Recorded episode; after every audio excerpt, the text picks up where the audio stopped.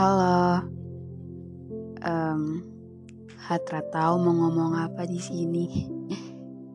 Semua yang ada dalam sapu kepala susah untuk untuk saya jadikan dalam bentuk kalimat. Dari dulu kan saya selalu bilang kalau untuk cerita tentang kok sapu podcast bakalan pernah cukup. Sapu tulisan-tulisan masih kurang, terakan pernah cukup. Dan mungkin sekarang lewat episode kali ini aja kok kembali ke masa lalu. Sebentar aja, cuma cuma untuk ingat kembali, hanya untuk lihat dan menerima kalau kita pernah jadi dua manusia paling idiot, tapi saat itu juga kita jadi dua manusia paling bahagia di bumi. Aku masih ingat sekali hari pas kita berdua untuk pertama kalinya ngobrol Waktu itu di depan gerbang sekolah, barusan jam-jam pulang sekolah, kita masih pakai seragam biru kotak-kotak, ketahan kopu helm merah, dan satahan sapu novel. Obrolan singkat siang itu benar-benar masih terekam jelas dalam sapu ingatan, dan untuk pertama kalinya saya percaya kalau ada orang yang punya mata paling indah dan senyum paling manis di bumi jauh sebelum ketemu Kohat percaya itu karena rasanya Tuhan bakalan kasih manusia titipan sesempurna itu. Tapi waktu lihat kok ketawa hari itu, saya jadi percaya kalau ada yang mungkin. Saya jadi makin yakin kalau kalau saya perlu ke surga untuk lihat hasil karya tangan Tuhan paling indah, tak perlu jauh-jauh ke sana. Semenjak kenal kok, Semenjak kau mulai buat saya bingung sama hapu perasaan sendiri, saya selalu ceritakan itu semua ke dalam sapu buku. Semua perasaan bingung, perasaan senang, sedih, yang ada hubungannya dengan kau selalu satuangkan ke dalam bentuk tulisan. Makanya itu, makanya itu bisa dibilang kau adalah alasan pertama kenapa sama nulis kau akan selalu jadi tokoh utama dalam setiap sapu tulisan-tulisan. Bisa dibilang juga kau adalah ibu dari sapu tulisan, karena layaknya seorang ibu mau pergi sampai sejauh mana pun, ujung-ujungnya saya bakalan kembali ke kau lagi. Ya, mau sejauh apa pun, mau sebanyak apa pun rumah yang saya singgah, ujung-ujungnya pada akhirnya hanya kau yang menjadi tempat pulang. Saya pernah coba untuk berhenti menulis tentang kau dan ganti tokoh utama jadi orang lain. Tapi, tapi bisa sampai satu jam lebih, bahkan seharian penuh sapu kertas isinya kosong. Bahkan, kalaupun berhasil, ujung-ujungnya di paragraf terakhir saya kembali bahas tentang kau lagi.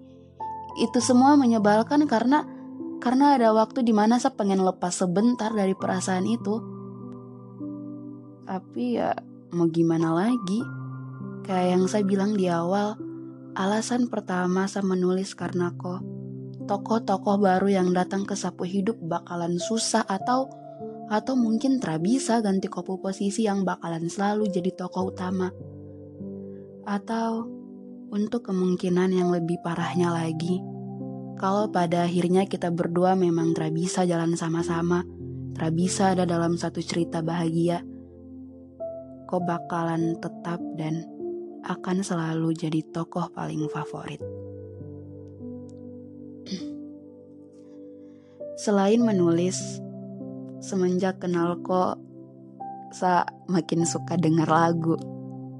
Ya emang dari dulu sih, saya dengar lagu tapi hanya dengar yang sekedar dengar aja gitu. Tapi tapi sekarang musik sudah jadi bagian besar dalam sapu hidup. Dan itu semua lagi-lagi karena kok karena karena musik punya punya punya peran besar di ketang dua cerita.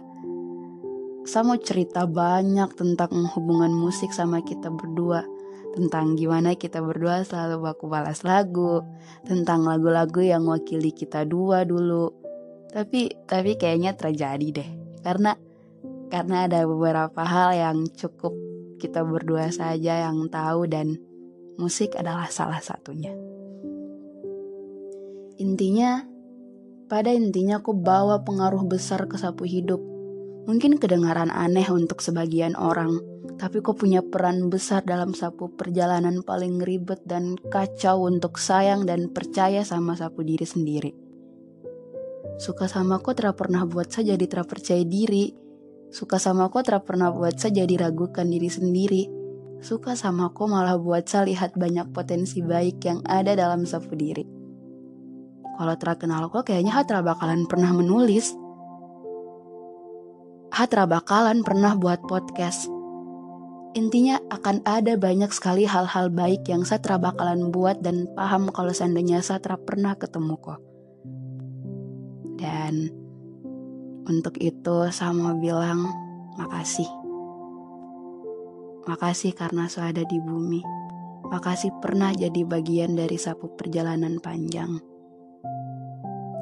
sebelum sebelum episode ini ketemu endingnya saya hanya mau bilang selamat ulang tahun. Selamat jadi dewasa.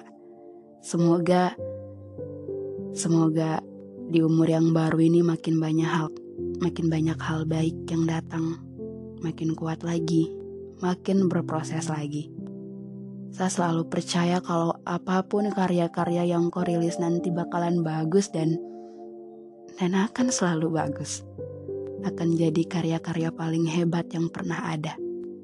Jadi, jangan pernah malu. Oke? Okay?